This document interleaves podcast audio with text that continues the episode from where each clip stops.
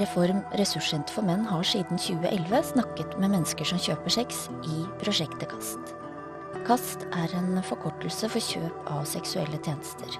Og gjennom dette prosjektet har vi fått innsikt i hverdagen til en gruppe mennesker vi ikke vet så mye om. Med denne podkasten vil vi dele av disse erfaringene med flere, og kanskje lære litt mer selv også. Jeg heter Mali Storbekken og jobber som seniorrådgiver i Reform, og som prosjektleder for KAST. I en rekke episoder vil jeg undersøke flere sider ved kjøperaspektet gjennom intervjuer med fagpersoner og aktører som beveger seg innenfor prostitusjonsfeltet. Velkommen til KAST podkast, podkasten om sexkjøp. I dag skal vi bl.a. snakke om hvordan sexkjøp og porno kan påvirke den mannlige seksualiteten med sexolog og psykiater Håkon Aars og lege Simon Erdseid.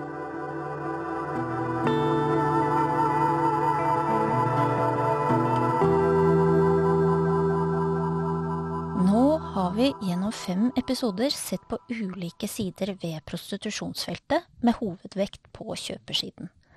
Men hvordan påvirker sexkjøp seksualiteten, og hva slags rolleforventninger har vi egentlig til menn og gutter? For å forsøke å svare på noen av disse spørsmålene, så har vi fått med oss to spennende gjester, nemlig psykiater og sexolog Håkon Aars og Simon Ertseid, lege ved Sex og Samfunn.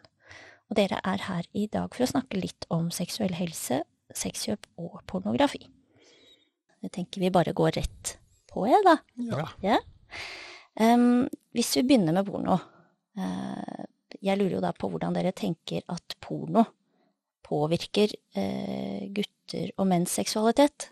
Altså er det bare kvinner som uh, Eller kvinnesynet som får et skudd for baugen når gutter ser porno, eller er det noe mer som skjer med seksualiteten til menn, tenker dere? Jeg, det er kjempevanskelig å liksom forske på hvordan porno påvirker. Det var eh, I begynnelsen, da jeg begynte som seksualitetsunderviser, så hørte jeg en sånn setning om at noen hadde prøvd å finne ut av hvordan porno påvirker, og skulle da finne én eh, gruppe som hadde sett mye porno, og én gruppe som ikke hadde sett porno. Men så måtte de gi opp prosjektet, fordi de ikke klarte å finne nok deltakere som aldri hadde sett porno. Ja. For å liksom se at det da er liksom kjempevanskelig. For egentlig så burde man jo følge en gruppe som ikke ser porno, og en gruppe som ser porno, og så se hvordan synet deres påvirker og alt det der. Og så tror jeg det er kjempevanskelig. Um, for det, det er jo såpass vanlig, og man på en måte er jo et lite klikk på internett unna å se hva som helst av porno. Og det er jo klart at det påvirker på en eller annen måte. Um, men så tror jeg det er litt sånn ut ifra hvordan man, man, bruker pornografien også. Det er jo uh, På de studiene som har gjort på pornobruk, så er det flere som syns at porno har positive effekter enn negative effekter. Og så er det jo negative outcomes av det òg, helt sikkert. Men så kanskje man ikke er klar over de selv alltid. Um, så sånn den pornoen også er i dag, så er det jo veldig, veldig, veldig mye penger i porno, og veldig mye fokus på å liksom få så mye views som mulig, og da blir jo pornoen naturlig laget til at man på en måte eh, prøver å presse ut de filmene som genererer nok kliks på så lite som penger som mulig, og da er det veldig fort den derre enveissexen som man har lest om på NRK, og det at det på en måte er en mann som har sex på en kvinne, og jo hardere det er, og jo mer brutalt det er, og jo mer slapping og kveling det er, jo mer orgasmer er det, på en måte. Og det er ganske absurd, syns jeg. Og eh, dersom det bare er den pornografien man ser på, og dersom det er det bildet man lager på hvordan et samleie, og hvordan sex funker, da tror jeg det kvinnesynet blir litt annerledes, da, ja. etter det. Men det er kjempevanskelig, for det er vanskelig å forske på, og det er selvrapportert, og folk er jo ikke alltid så glad i å snakke om sin egen pornobruk heller. Du, du Håkon, du bruker ofte å snakke litt om disse forventningene menn får til seg selv gjennom pornobruk? Ja, altså, porno har jo etter min mening både i og for seg en, en positiv og en negativ side, tenker jeg. Altså, og det er jo noe av det som altså Hvis man skal si noe om det negative, er jo at det hos en, en ganske stor gruppe så skaper en slags type avhengighet. Vi har jo fått mye nye avhengigheter, både i mobiltelefonbruk og også porno. En annen ting, altså Noe av det negative som jeg tenker med, å ta det først, altså, heller snakke litt om det positive, det er, er jo at uh, disse som er på porno, stort sett, er jo folk som har plukket ut på audition. Slik at det er liksom gutta med de største penisene og damene med de største puppene og de som skriker høyest i orgasmen og alt dette her. Det, det, skaper et bilde av at folk som sitter og ser på det, tenker at å ja, er det sånn det må være? Ja, men jeg, jo ikke, jeg har jo ikke så stor penis, eller jeg jo så, ser jo ikke så godt ut, så da blir jo det vanskelig for meg. Man tenker at man lager de som er på porno, til det å være såkalt normale. da. Mm. Og det, det, er jo noe som jeg tenker er negativt.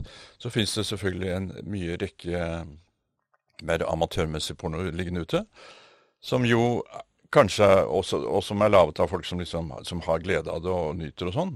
Og det er bra, syns jeg. Altså, det, det, å kunne komme inn på porno og se det og være i det, har jo holdt på å si, eksistert i årevis. Før så var det i papirblader og sånn, og nå er det blitt digitalisert.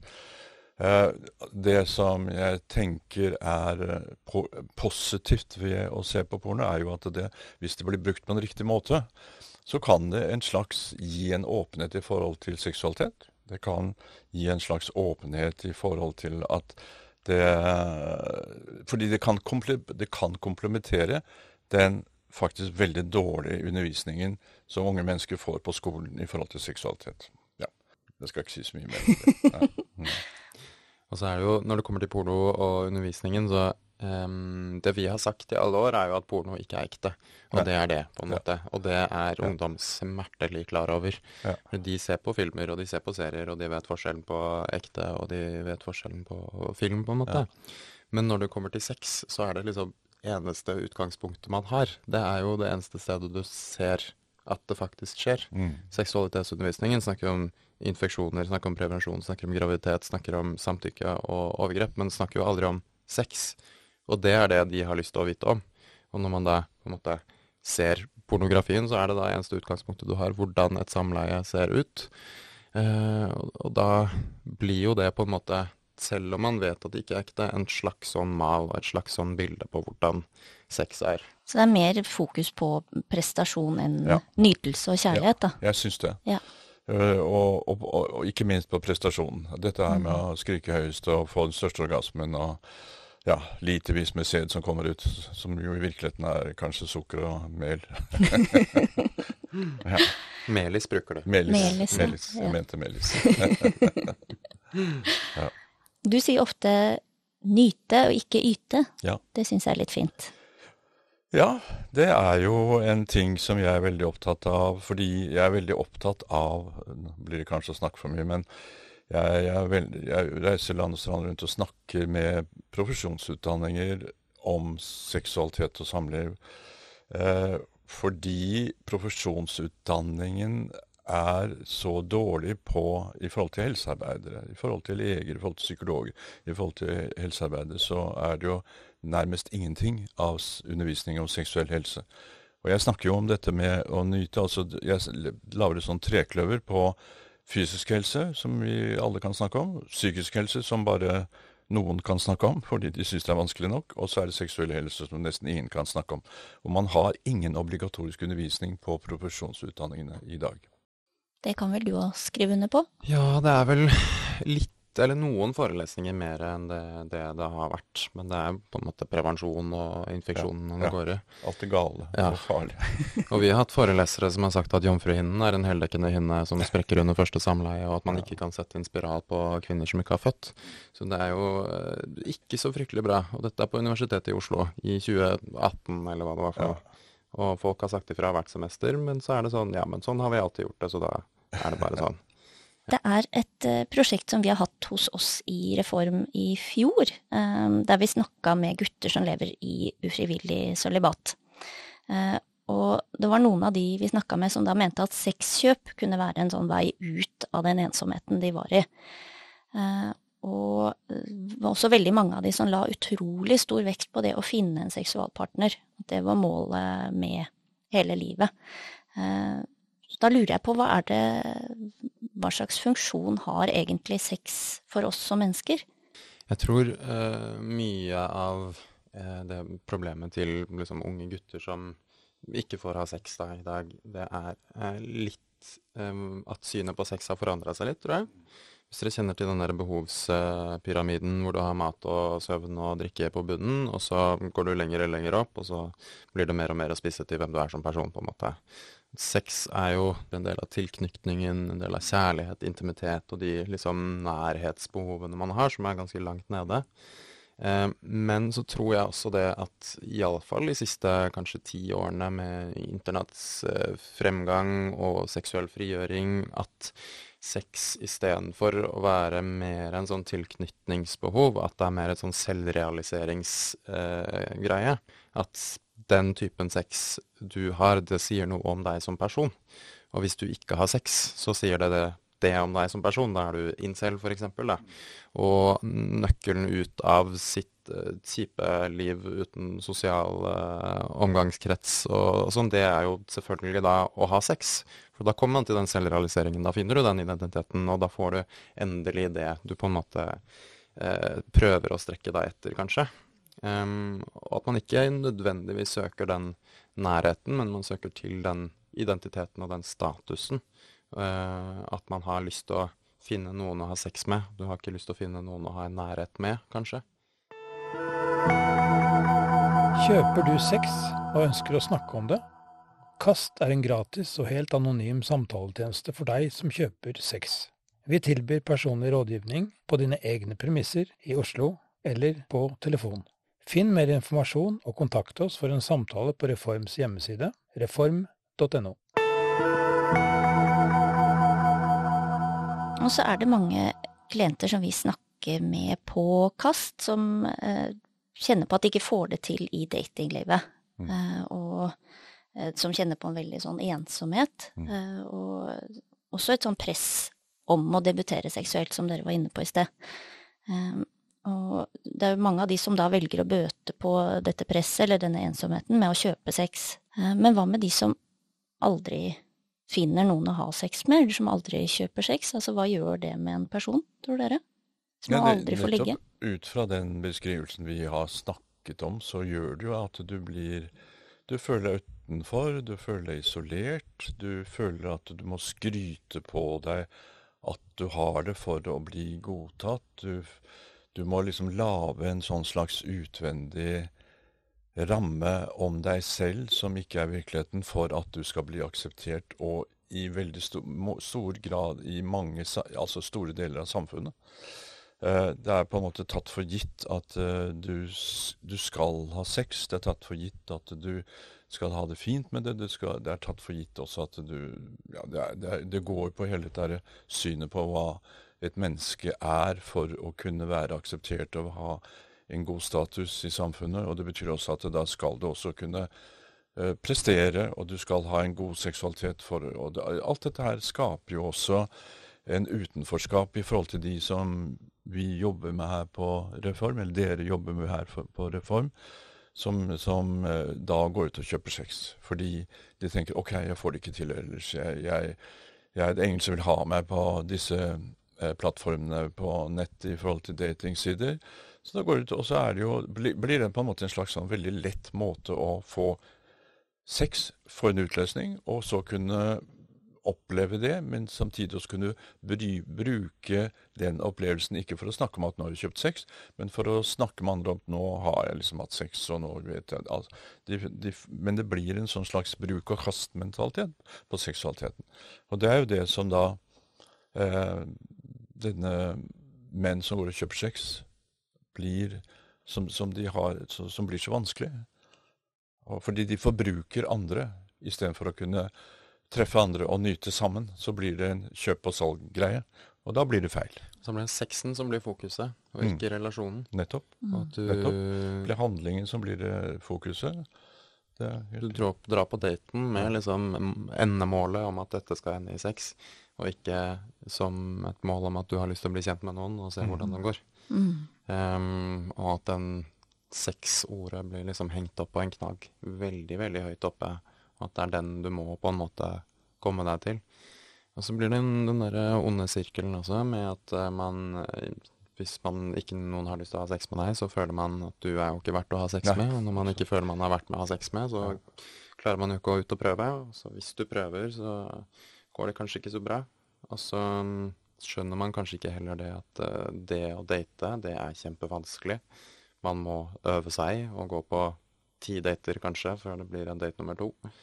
Um, og mange som kanskje ikke har sex, og identifiserer seg i denne incel-gruppen som uh, ser for seg at de som har sex, at det er veldig, veldig, veldig mye lettere for de at du bare er på en måte å ta seg en date og finne noen å ligge med.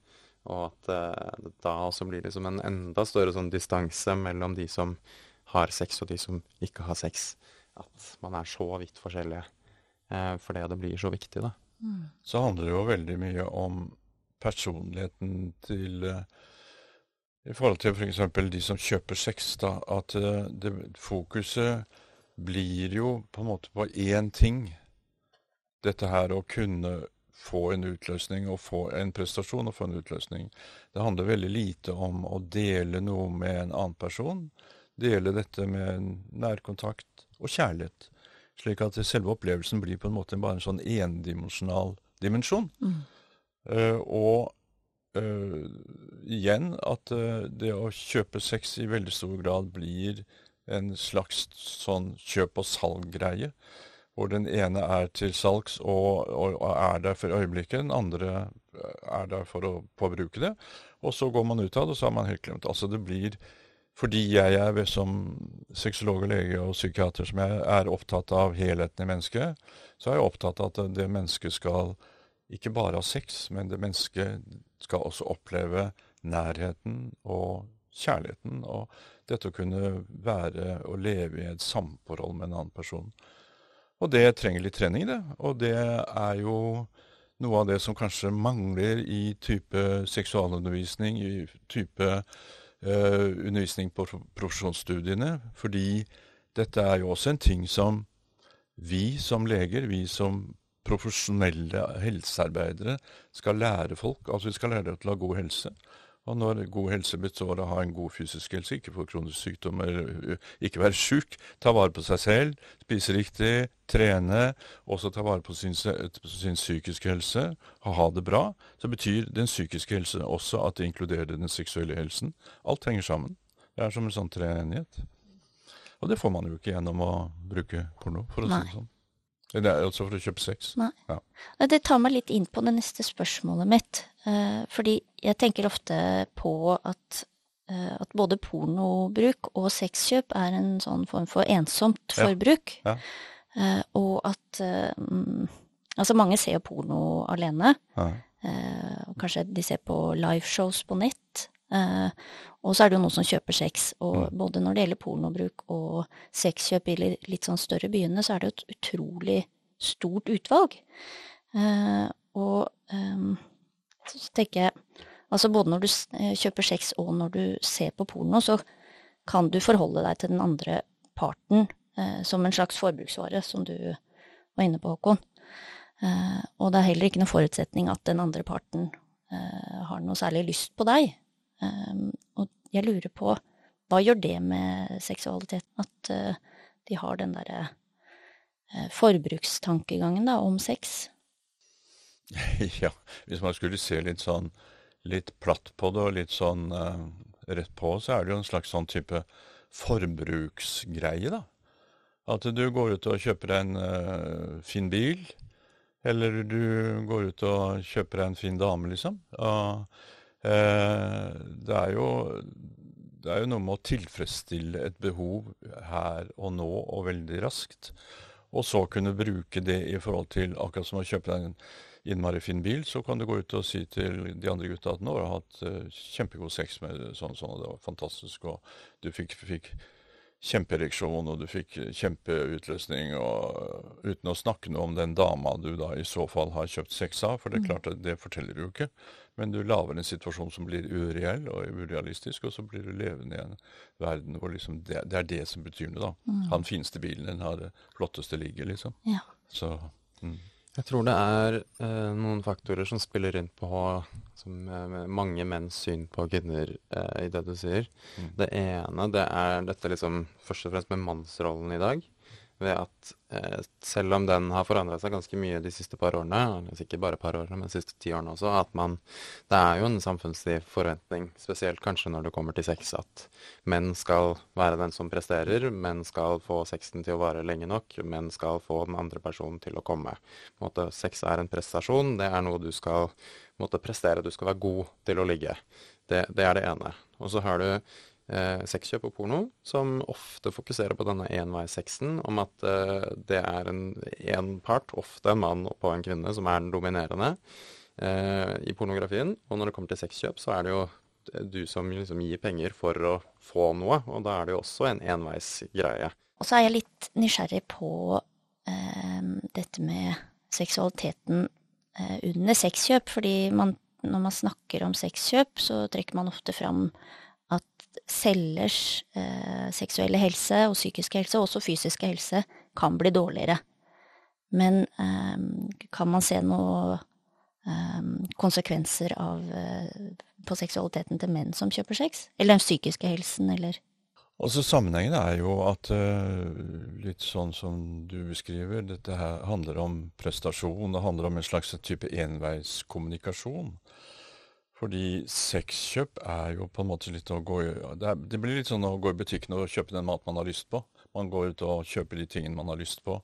Fordi, og det blir, det, man spør jo ikke varene om de har lyst på én, ikke sant, eller å bli kjøpt. Eh, og det er jo slik med sexkjøp at eh, det er en, da vanligvis kvinne, vi må jo også ta, i, ta med det at det er også menn som selger sex til andre menn. Og det er jo også faktisk menn som selger sex til kvinner også. Men den som er på selgerkategorien, eh, gjør dette for å, altså for å tjene penger, for å få en fortjeneste.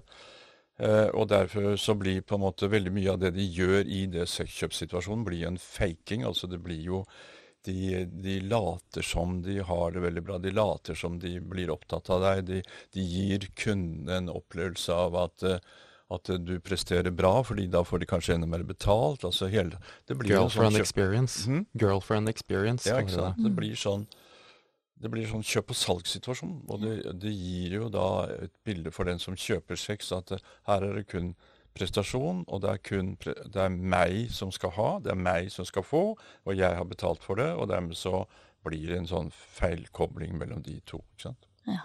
Og hvis man ikke har hatt så mye sex før, så blir kanskje ikke den prestasjonen helt sånn som man hadde tenkt på forhånd heller. Ja. Og så får man en uh, Hva er det de kaller det på, på, på nettet? Uh, Post-nut clarity. Når du har fått en orgasme, og så plutselig så begynner dopaminproduksjonen din å stoppe mm. opp litt, så du får en litt sånn klargjøring og litt klarere tanker på uh, at ja, man er kanskje ikke så tent lenger etterpå. Eh, og hvis man da har kjøpt sex og eh, kanskje ikke prestert så bra som man hadde sett for seg i hodet sitt, at man eh, fort kan skamme seg litt over hva man har gjort. Ja, og det tror jeg det er veldig mange menn som kjøper sex som gjør. Og det er? Og, og, og det er jo igjen dette her med at uh, skammen er jo veldig sentral. Altså skammen over å gjøre noe som de vet faktisk ikke er lov, uh, er jo én ting. Man kan jo diskutere mye i forhold til skal det være slik at det bare den som kjøper sex Altså skal det være slik at den som kjøper sex, gjør noe straffbart? Er, hele loven er jo opp til vurdering i perioder. Eh, og, men det er jo noe med at eh, det gir en veldig endimensjonell opplevelse, for, og det gir en opplevelse for den som kjøper sex, å få en utløsning. Og, få, og på en måte kjøpe seg en nærhet som, som blir en sånn fake-greie, fordi det er jo ikke virkeligheten. Og jeg har, jo, jeg har mange klienter som kommer til meg som som f.eks. beskriver at de treffer en dame på et sånt massasjeinstitutt og sier at og det var, jeg, jeg, tror faktisk at hun likte, og jeg tror at uh, jeg skal gå til henne igjen fordi hun, hun, likte meg, og det var veldig bra. Det er jo ofte en falsk bilde. Det gir den type uh, sånn gjensidighet som egentlig ikke i virkeligheten eksisterer. Det blir noe helt annet å, å gå ut, treffe en som har lyst til å få et forhold. Og den som selger sex på et massasjeinstitutt eller på gata Nå er det nesten ingen som gjør det lenger fordi at alt er inne. Men det er noe med at eh, det blir et falskt bilde mm, av det som er det gode med mm. seksualiteten. Altså det, det, mangler det perspektivet som er gjensidigheten. det laves opp en situasjon som ikke er gjensidig, den er ensidig. Mm. Mm. Kanskje man ser for deg at det bare er, det bare er sexen som mangler. Og mm. så vil alt løse seg. Og så får man sexen, og så løser ikke alt seg. Nei. Og så har man ikke den intime relasjonen, og man har ikke den sosiale nettverket som man kanskje er det man heller uh, ville hatt, da, selv om det er sexen man ser for seg at det er det man trenger. Mm. Vi har jo sånn prosjekt på Sex og Samfunn med personer som kjøper sex, som kan komme og ha samtaler og teste seg og sånn. Og det er mange som kommer etter å ha vært liksom, aldri kjøpt sex og aldri hatt noe sex. Og så har de vært på fylla og tatt kokain en helg, og så har de gått å få tak i en uh, sexarbeider en eller annen vei, og så har de ikke fått det til. Eller de har nesten prøvd, og så har de gitt opp halvveis, og, så skammer de seg så mye og har det skikkelig vondt med seg selv på mm. grunn av dette. Um, og det er ikke noe bra. Nei. Det er sånn det skal være heller. Nei. Nei. For det er jo skammen som mm. ligger der. Altså vi som jobber med, og dere som jobber her på Reform, vet jo veldig mye om denne skammen som er relatert til det å kjøpe sex og forbruke altså litt ladet ord, litt forbruke andre. ikke sant? Og de vet jo at dette på en måte er feil. Og de kan jo det er jo, det er jo en rekke som går ut og gjør dette på tross av at de lever i et forhold.